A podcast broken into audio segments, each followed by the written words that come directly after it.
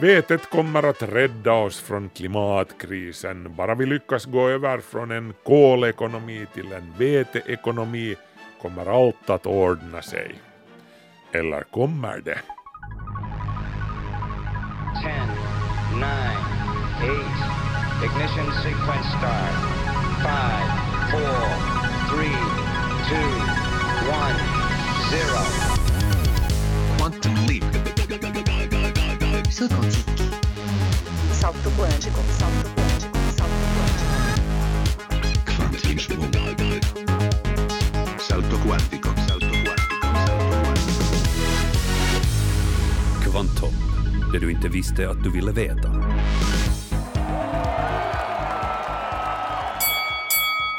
Är ni beredda för århundradets mest spännande match? Den här veckan i Kvanthopp, Energimästerskapet. I den röda hörnan tungviktaren och regerande mästaren Kol.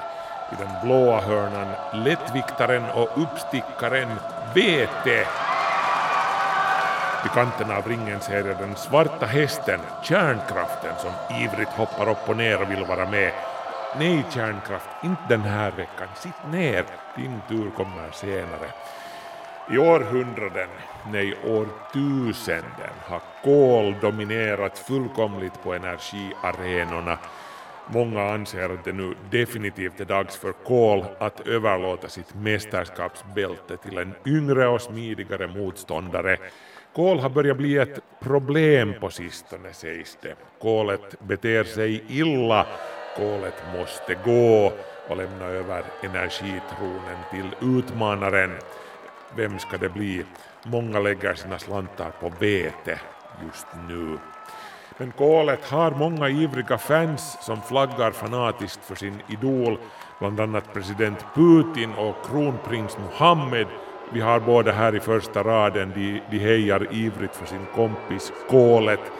Nej, sitt ner nu, hör ni vad jag säger, och, och sätt bort era skjutvapen, jösses ändå. Uh, I det här avsnittet av Kvanthopp, som sagt, den ultimata energiduellen. Kol mot vete. Vem är de? Varifrån kommer de? Varför borde just du bry dig om hela den här matchen? Lyssna på Kvanthopp så vet du. Jag heter Markus Rosenlund.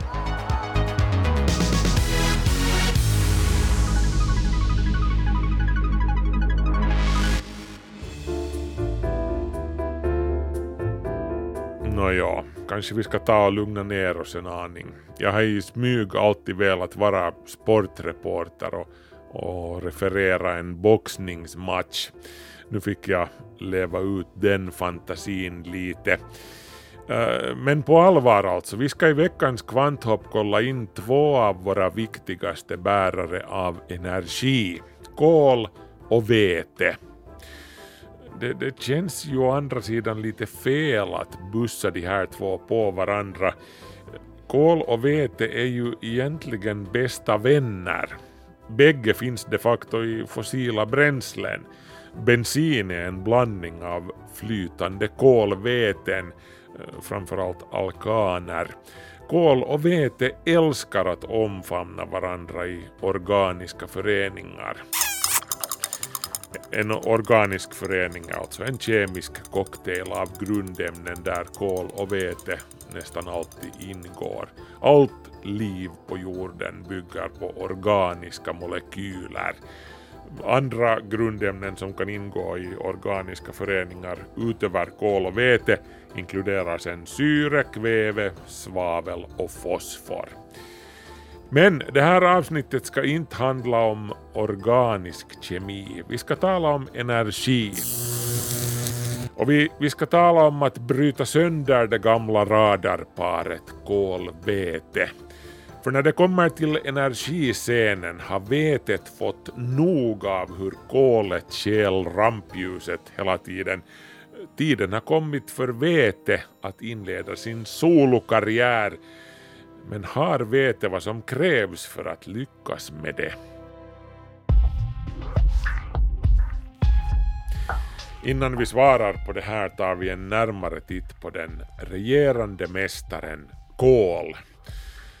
Varför är kolet så viktigt i energisammanhang? Nå, vårt viktigaste sätt att producera energi har ju länge varit att bränna saker. Saker som i ett eller annat skede har varit levande. Och kol finns som sagt i allt levande eller som en gång har varit det här på jorden. Inklusive trä som vi har bränt i våra lägereldar och, och kaminer sedan tidernas gryning. Och så har vi skyfflat stenkol i pannan på våra ånglokomotiv och atlantångare. Det var kolet som gav bränslet till den industriella revolutionen i 1700 och 1800-talets England. Det kallas alltså stenkol för att det ser ut och känns lite som svart sten.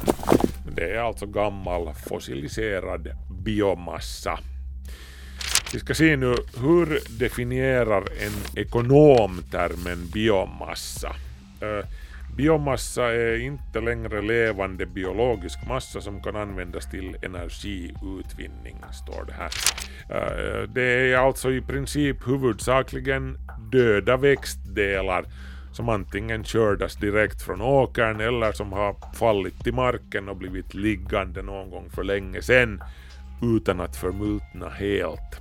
Torv hör ju till den sistnämnda kategorin. Torv är liksom i gränslandet mellan inom citat färsk biomassa och, och fossil sådan. Ligger torven i ännu längre tidsrymder kan den sen bli till stenkol. När vi talar om stenkol eller vanligt kol, så då menar vi i princip amorft kol, en av kolets allotropa former vid sidan av diamant, grafit, grafen och fullerener. Kol är bra på att bilda en mängd olika slags bindningar med andra kolatomer. Därav alltså alla dessa olika former. Diamonds are forever, ja. Eh, men för det här avsnittet så struntar vi i alla de där andra formerna och håller oss till inom citat vanligt kol. Ah, jo förresten, jag tänkte glömma, blir den här biomassan det kan också vara dött plankton som har sjunkit i havsbottnen och, och lagrats där.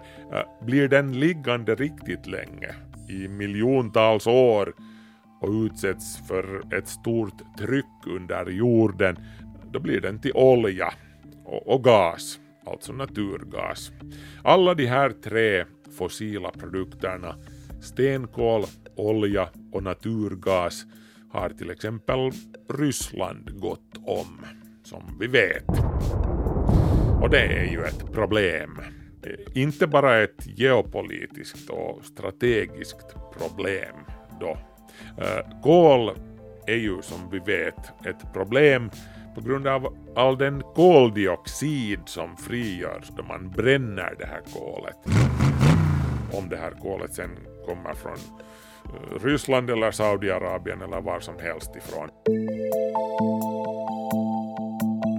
Eh, jo visst, för all del, livet på jorden behöver koldioxid. CO2 är livets gas, men om atmosfärens koldioxidhalt stiger för snabbt kan livet inte tillgodogöra sig av allt det goda.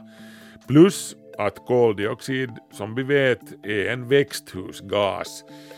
Vi har de facto vetat om vad våra koldioxidutsläpp orsakar åtminstone sedan 1896 då den svenske kemisten Svante Arrhenius pekade på saken i en banbrytande artikel. Så med andra ord, kol är en välsignelse och ett problem. Just nu faktiskt med betoning på problem.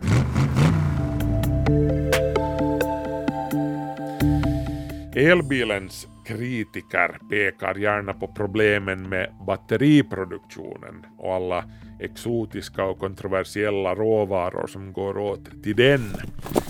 Däremot så tycks de tro att bensinen på något magiskt sätt bara dyker upp i pumparna. Men så är det ju inte alltså. i och för sig råolja som bensinen raffineras från är ju i princip en förnybar energikälla om man har tillräckligt med tid. Men då snackar vi om hundratals miljoner år. Apropå det, ifall du inte visste var och när de fossila bränslena härstammar från så ska jag berätta det åt dig nu. De härstammar nämligen inte från raffinaderiet eller borrplattformarna ute i Nordsjön, lika lite som elströmmen härstammar från vägguttaget. Eh, bensinen och oljan har kommit en lite längre väg än så. Den största delen av de fossila bränslen som vi använder idag, kol, olja och naturgas, började bildas under den geologiska perioden som kallas karbon. Karbonperioden började för cirka 359 miljoner år sedan och pågick till för omkring 299 miljoner år sedan. Så ungefär 60 miljoner år pågick den här kolfesten. Ja, alltså som periodens namn säger, karbon, så var det här kolets tidsålder. De två kontinenter som fanns på den här tiden på jorden, äh, Laurasien i norr och Gondwanaland i söder, täcktes av stora sumpskogar. Enorma träsk där ormbunkar växte. Men de här ormbunkarna var inte som de här små sakerna som växer i trädgårdarna här hemma, utan de var i form av enorma fräken och, och lummerväxter som i praktiken var gigantiska träd.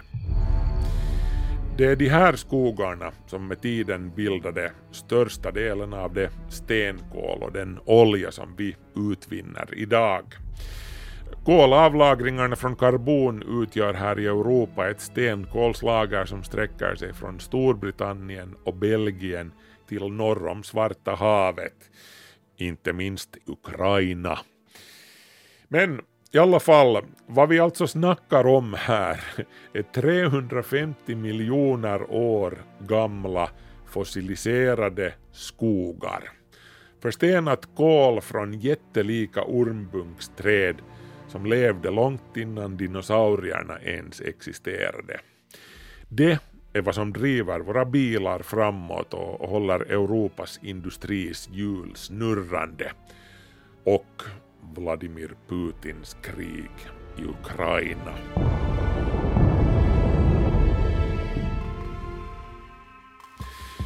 Och det här är ett problem ur många synvinklar men, men kanske främst ur hållbarhetens synvinkel.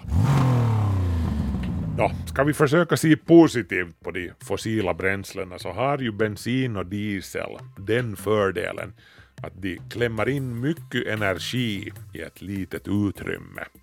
Bensin har en energidensitet på runt 13 200 wattimmar per kilogram. Det ryms cirka 250 gånger mer energi i ett kilo bensin än i ett kilo bilbatteri. Jaha, no men då har ju fossilerna vunnit, eller? Ja, sakta i backarna. Här kommer vätgasen. Vätgas har alltså upp till tre gånger mer energi per kilo än bensin och fyra till fem gånger mer än stenkol och 750 gånger mer jämfört med ett bilbatteri. Så jo, kritikerna har rätt. Bilbatterierna är problematiska på ett antal sätt och vis. Men det här betyder inte ännu automatiskt att elbilen i sig är problematisk. Det betyder bara att batterierna är problematiska. Åtminstone de nuvarande litiumjonbatterierna. Och det är här som vetet kommer in i bilden, enligt vissa. Och apropå det, det har blivit dags att ta en titt på utmanaren. Lättviktaren i det blåa hörnet. Vete som har blivit till ett mantra som många går omkring och mässar numera. Vetet kommer att rädda oss från klimatkrisen. Bara vi lyckas gå över från en kolekonomi till en veteekonomi kommer allt att ordna sig. Eller kommer det? Okej, men vi börjar från början. Vad är vete alltså? Vete är det första av alla grundämnen med atomnummer 1. Det toppar hela det periodiska systemet. Det enklaste och lättaste av alla grundämnen. En positivt laddad proton i kärnan och en negativt laddad elektron i skalet. Vete är universums allmännaste grundämne. Solen består till största delen av vete, liksom de övriga stjärnorna. I det unga universum strax efter Big Bang fanns det nästan bara vete och lite helium. Trots att vete är vanligt som gråa kattor ute i universum finns det väldigt lite av det i fri form här på jorden. Det här beror på att vete älskar att bilda föreningar med andra grundämnen, inklusive kol. Det allra mesta vetet här på jorden är bundet till syre i form av vatten. Och det är här som själva problemet ligger. För trots att vete i princip är det idealiska bränslet som kunde driva alla våra bilar, våra långtradare, våra tåg och fartyg och flygplan på ett miljö och klimatvänligt sätt så, så är det inte riktigt så enkelt när det kommer till kritan. För att få användbart vete som vi kan köra våra maskiner på kan vi antingen utvinna det ur naturgas vilket är den huvudsakliga metoden för veteproduktion just nu. Eller så kan vi spjälka vatten till vete och syre genom en process som kallas elektrolys. Det här går i princip ut på att du leder en elström genom vattnet. Och du kan också lägga i lite bakpulver dit till exempel. Det ökar på vattnets elektriska ledningsförmåga. Och innan du vet ordet av börjar det stiga bubblor från anoden och katoden som du stack ner i vätskan. Vete och syrebubblor. Mängden vete som bubblar upp är dubbelt så stor som syret eftersom vatten ju består av två veteatomer och en syreatom. Nå, hur som helst, sen är det bara att ta vara på vätgasen som bubblar upp och ja, vad gör vi sen med den gasen då? Eh, Nå, tja, enklaste sättet att utnyttja vetet är helt enkelt att bränna det och på det viset få värme som du behöver för någon process som du har på gång. Eh, Vätgas är alltså helt otroligt eldfängt som exemplet med luftskeppet Hindenburg visade. Men i alla fall, du kan i princip konvertera din gamla bensinmotor i din rostiga gamla Toyota till att gå på vätgas om du vill. Men förbränningsmotorn har en så låg verkningsgrad att den mesta energin går direkt till kråkorna i form av värme och, och friktion inuti motorn det är inte lönsamt helt enkelt att köra en, en vanlig förbränningsmotor på vätgas. Det moderna sättet att använda vete är att köra det genom en så kallad bränslecell där det reagerar lite långsammare med syre och i processen skapas det sedan elektricitet. Elektriciteten kan du sen till exempel använda till att driva en elmotor som driver runt hjulen på din bil. Den enda avgasen inom citat som uppstår i processen är vanligt vatten och värme. Bränslecellen som koncept är inte någon nyhet precis. Den första som konstruerade en fungerande bränslecell var engelsmannen William Robert Grove så tidigt som 1838 på 1960-talet hade General Motors i USA en bilprototyp med en bränslecell som drevs på vete. Men bränslecellen har alltid betraktats lite mer som en kuriositet än som ett seriöst sätt att producera energi.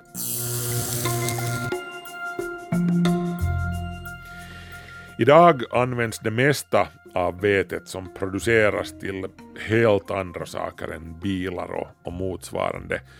Huvudsakligen till att tillverka konstgödsel och till att raffinera råolja. Som bränsle har vete aldrig riktigt slagit igenom. Det har alltid varit enklare helt enkelt och, och billigare kanske framför allt att bränna fossila bränslen direkt. Men det här är inte ett alternativ nu längre, åtminstone inte ett bra alternativ, om vi ska ha någon som helst chans att nå våra utsläppsmål och klara oss ur klimatkrisen som vi själva har orsakat.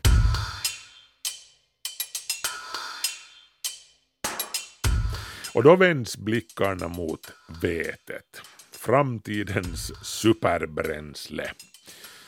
Det är för övrigt inte bara transportsektorn som sneglar på vete här. Också tunga industrier som stålindustrin anar en möjlighet. Ståltillverkning är ju traditionellt en otroligt koldioxidintensiv process. Det går åt massvis med energi till att smälta järn för att förvandla det till stål. Energi som hittills främst har kommit i form av fossila bränslen som naturgas. Ståltillverkningen står för omkring 8 procent av de globala koldioxidutsläppen.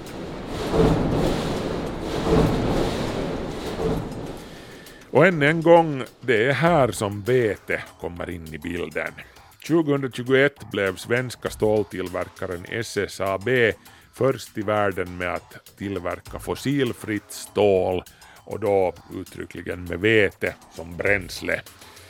Andra ståltillverkare jobbar på motsvarande lösningar som enligt planen ska vara klara att tas i bruk fram till 2025 ungefär. Den tunga transportsektorn är ju sen en av de andra energitörstande jättarna. Enligt en studie skulle samtliga containerfartyg som trafikerar mellan Europa och Kina kunna konverteras till vetedrift med bränsleceller. Fartygens vetetankar skulle i och för sig behöva vara så stora att fartygens fraktkapacitet skulle minska med cirka 5 procent. Men det här ses nu inte som något oöverkomligt problem. Eh, ja, vete har alltså en stor energidensitet per kilo, men inte per volym. Ett kilo vätgas kräver en mycket större tank än ett kilo bensin eller diesel eller flygpetroleum. Ja, apropå det, här finns saker att hämta också för flygtrafiken. 2020 flög det första bränslecellsdrivna flygplanet någonsin. Ett litet propellerplan av storleken och typen ungefär. Eh, Flygplanstillverkaren Airbus, de har också tre olika bränslecellsprojekt på gång som enligt dem kan utmynna i flygfärdiga passagerarplan vetedrivna sådana fram till år 2035. Långdistansflyget kan bli ett problem här för vete kräver som sagt stora tankar så, så räckvidden blir inte den bästa. Men det har beräknats att bara genom att flyga korta och medellånga rutter på vete kunde man få ner flygets utsläpp med omkring en tredjedel globalt. Summan av kardemumman är alltså att det finns en otrolig potential här i vetet. Vete har i princip vad som krävs för att lösa de flesta av våra problem och hjälpa oss att bli kvitt vårt fossilberoende. Problemet är bara det att det kommer att krävas mycket vete. Och då menar jag mycket vete. Och det är här som saker och ting blir lite knepiga. Den allra största delen av allt vete som används idag är så kallat grått vete eller grå vätgas. Nej, den är inte grå på riktigt, men no, jag ska förklara. I dagens läge utvinns som sagt den mesta vätgasen från naturgas eller metan. Eh, med andra ord, fossila bränslen. Upp till 90 procent av allt vete som används just nu kommer från den här källan, från fossila bränslen. Och den här sortens vete kallas alltså för grå vätgas. Och det här löser ju definitivt inga klimatproblem. Vill vi på riktigt att vete ska bli framtidens gröna superbränsle, då måste vi först och främst se till att veteproduktionen blir grön på riktigt. Och det finns två huvudsakliga sätt att uppnå det här, eller åtminstone försöka uppnå det här. Metod nummer ett kallas blå vätgas. Nej, den är inte heller blå. Eh, jag ska förklara. Eh, det här involverar fortfarande fossila bränslen. Eh, Vetet framställs fortfarande från naturgas. Men man strävar efter att ta vara på utsläppen av kol som uppstår i samband med processen och lagra det i marken så att det inte slipper ut i atmosfären. Eller så kan man använda det som råvara för andra ändamål. Och det här låter ju bra, eller hur? Ja, no, problemet är att det inte riktigt funkar i praktiken. De anläggningar som använder den här metoden har hittills visat sig vara så dåliga på att fånga upp koldioxidutsläppen från naturgasen att det i många fall skulle vara effektivare att bara använda naturgasen som bränsle rakt av. Fossilindustrin hävdar ofta att de kan ta vara på upp till 90 procent av all koldioxid när de tillverkar blå vätgas. Men i verkligheten har den siffran hittills legat närmare 50 procent. Trots det här så har den så kallade blåa vätgasen presenterats som ett flaggskeppsprojekt i de stora ekonomiernas klimatstrategier, inklusive USA, EU, Japan och Storbritannien. Kritikerna menar att det här är en uttrycklig strategi som oljebolagen kör med. De använder den blåa vätgasen som en täckmantel för att kunna fortsätta sälja fossila bränslen helt som förut, medan de pekar på vetet för att framstå som ansvarsfulla och miljömedvetna. Och det här, menar kritikerna, kostar oss dyrbar tid som vi behöver ta vara på om vi vill rädda klimatet och vår civilisation. Så det ser med andra ord inte så bra ut för vete. Eller gör det? Ja, vete har nog all den potential som sagt och alla de möjligheter som jag nämnde. Utmaningen och problemet här är bara den att vi måste helt enkelt bli bättre på att framställa genuint grön vätgas. Nej, nej, den är inte heller grön till färgen. Den är helt enkelt bara sån där vi på riktigt undviker att involvera bruket av fossila bränslen i varje del av processen. Och det är i princip inte ens värst svårt, åtminstone på pappret. Det enda du behöver göra är att hålla dig till förnybara energikällor som sol och vindkraft när du producerar vetet. Som sagt, du kan spjälka upp vanligt vatten till vete och syre med hjälp av någonting kallat elektrolys genom att leda en elström genom vattnet. Den elströmmen tar du då från ett sol eller vindkraftverk. Och det här skapar inga utsläpp alls och involverar inget kol. Så vad du då får är genuint grön vätgas som fortfarande inte är grönt i färgen. uh, saken blir inte sämre av att du på det här viset kan jämna ut sol och vindkraftens toppar och dalar i och med att vindmöllorna och solpanelerna kan sättas att mala vete då när det finns ett överflöd i produktionen. Och överskottet kan sedan lagras i form av vätgas. Och faktum är att saker och ting rör på sig inom den här sektorn. Problemet har hittills varit att elektrolysanläggningarna har varit väldigt små och produktionen så liten att det har gjort den gröna vätgasen väldigt dyr. Men för det första, anläggningarna blir hela tiden större. Skalan och synergieffekterna blir större och det här leder till att priserna på grön vätgas kommer ner. Och för det andra, priset på förnybar energi har också kommit ner väldigt mycket, vilket i sin tur gör det billigare att tillverka grön vätgas. Jag menar, solenergi är ju redan på många håll billigare än kolkraft och, och priset fortsätter gå ner.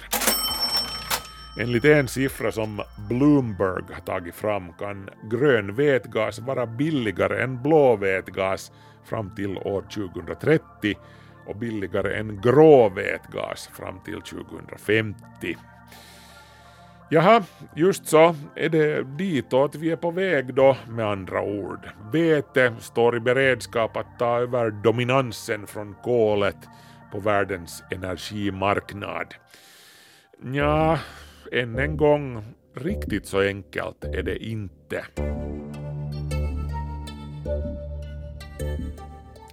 Vete har nämligen ännu ett problem, ett som vi redan berörde faktiskt. Det är inte ett oöverkomligt problem, men ett problem hur som helst.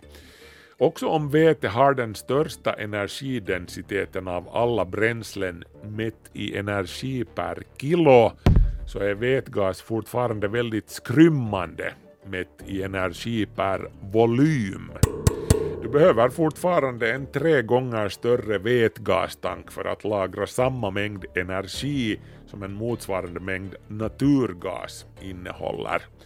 Flytande väte i vätskeform alltså tar mindre utrymme, men det måste kylas ner till sådär minus 253 grader Celsius och det är lite bökigt. Så med andra ord, summa summarum för femte gången här nu ungefär. Eh, vete har en enorm potential. Du kan i princip använda det till vad som helst. En annan sak är sen att du kanske inte ska göra det. Kör med vete där som det lämpar sig bäst, jo, och komplettera det sen med andra lösningar. Det gäller att hitta en optimal balans helt enkelt. Elmotorer är fortfarande smartare än förbränningsmotorer. Men det kan finnas situationer där batterier är bättre än bränsleceller och vete alltså. Jag menar att producera elström som man använder till att tillverka vätgas som körs ut till tankningsstationerna och tankas i bilar där vätgasen sen omvandlas tillbaka till elström det är ganska ineffektivt det här. Uppemot 60 procent av energin går till kråkorna med den här metoden. Så du kunde ju använda samma elström till att ladda ett batteri och köra bilens elmotor direkt på det. Med den här metoden går det bara cirka 20 procent av energin till kråkorna. Man ska komma ihåg att de nuvarande elbilsbatterierna inte representerar utvecklingens ändhållplats. Det utvecklas hela tiden bättre batterier i rasande takt just nu. Batterier som lagrar mera ström, som går att ladda fortare och som inte kräver exotiska och svåråtkomliga metaller som det krigas om. Eh, batteriet har definitivt inte sagt sista ordet ännu. Men ännu beträffande vete, det finns ett hönan och ägget problem här. Innan vi börjar investera i den behövliga, genuint gröna teknologin så kommer vi inte att ha någon efterfrågan på grön vätgas. Och innan det finns en efterfrågan på grön vätgas så kommer ingen att vilja investera i teknologin.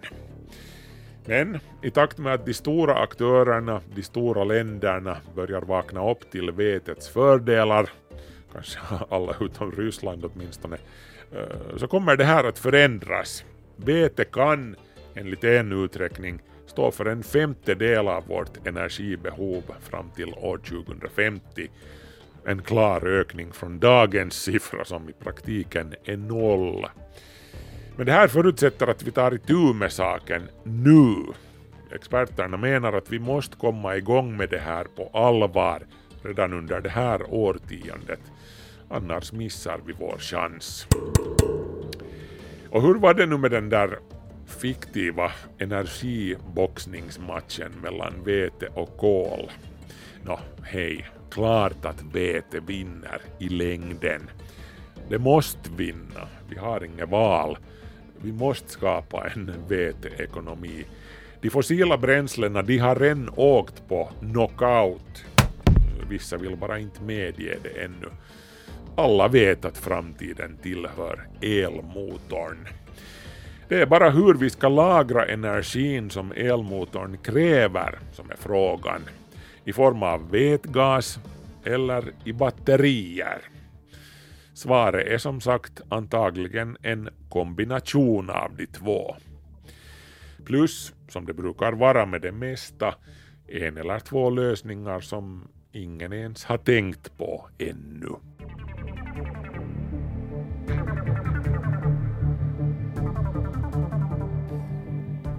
Kvanthopp är slut för den här veckan men ett nytt avsnitt väntar på Yle Arenan nästa lördag och naturligtvis också i Yle Vega sänds det här. Markus Rosenlund tackar nu för sällskapet och ja, ni kan ju förstås skriva till oss kvanthopp.yle.fi eller så går ni in via vår Facebook-sida. Ha det bra tills vi hörs igen. Hej så länge.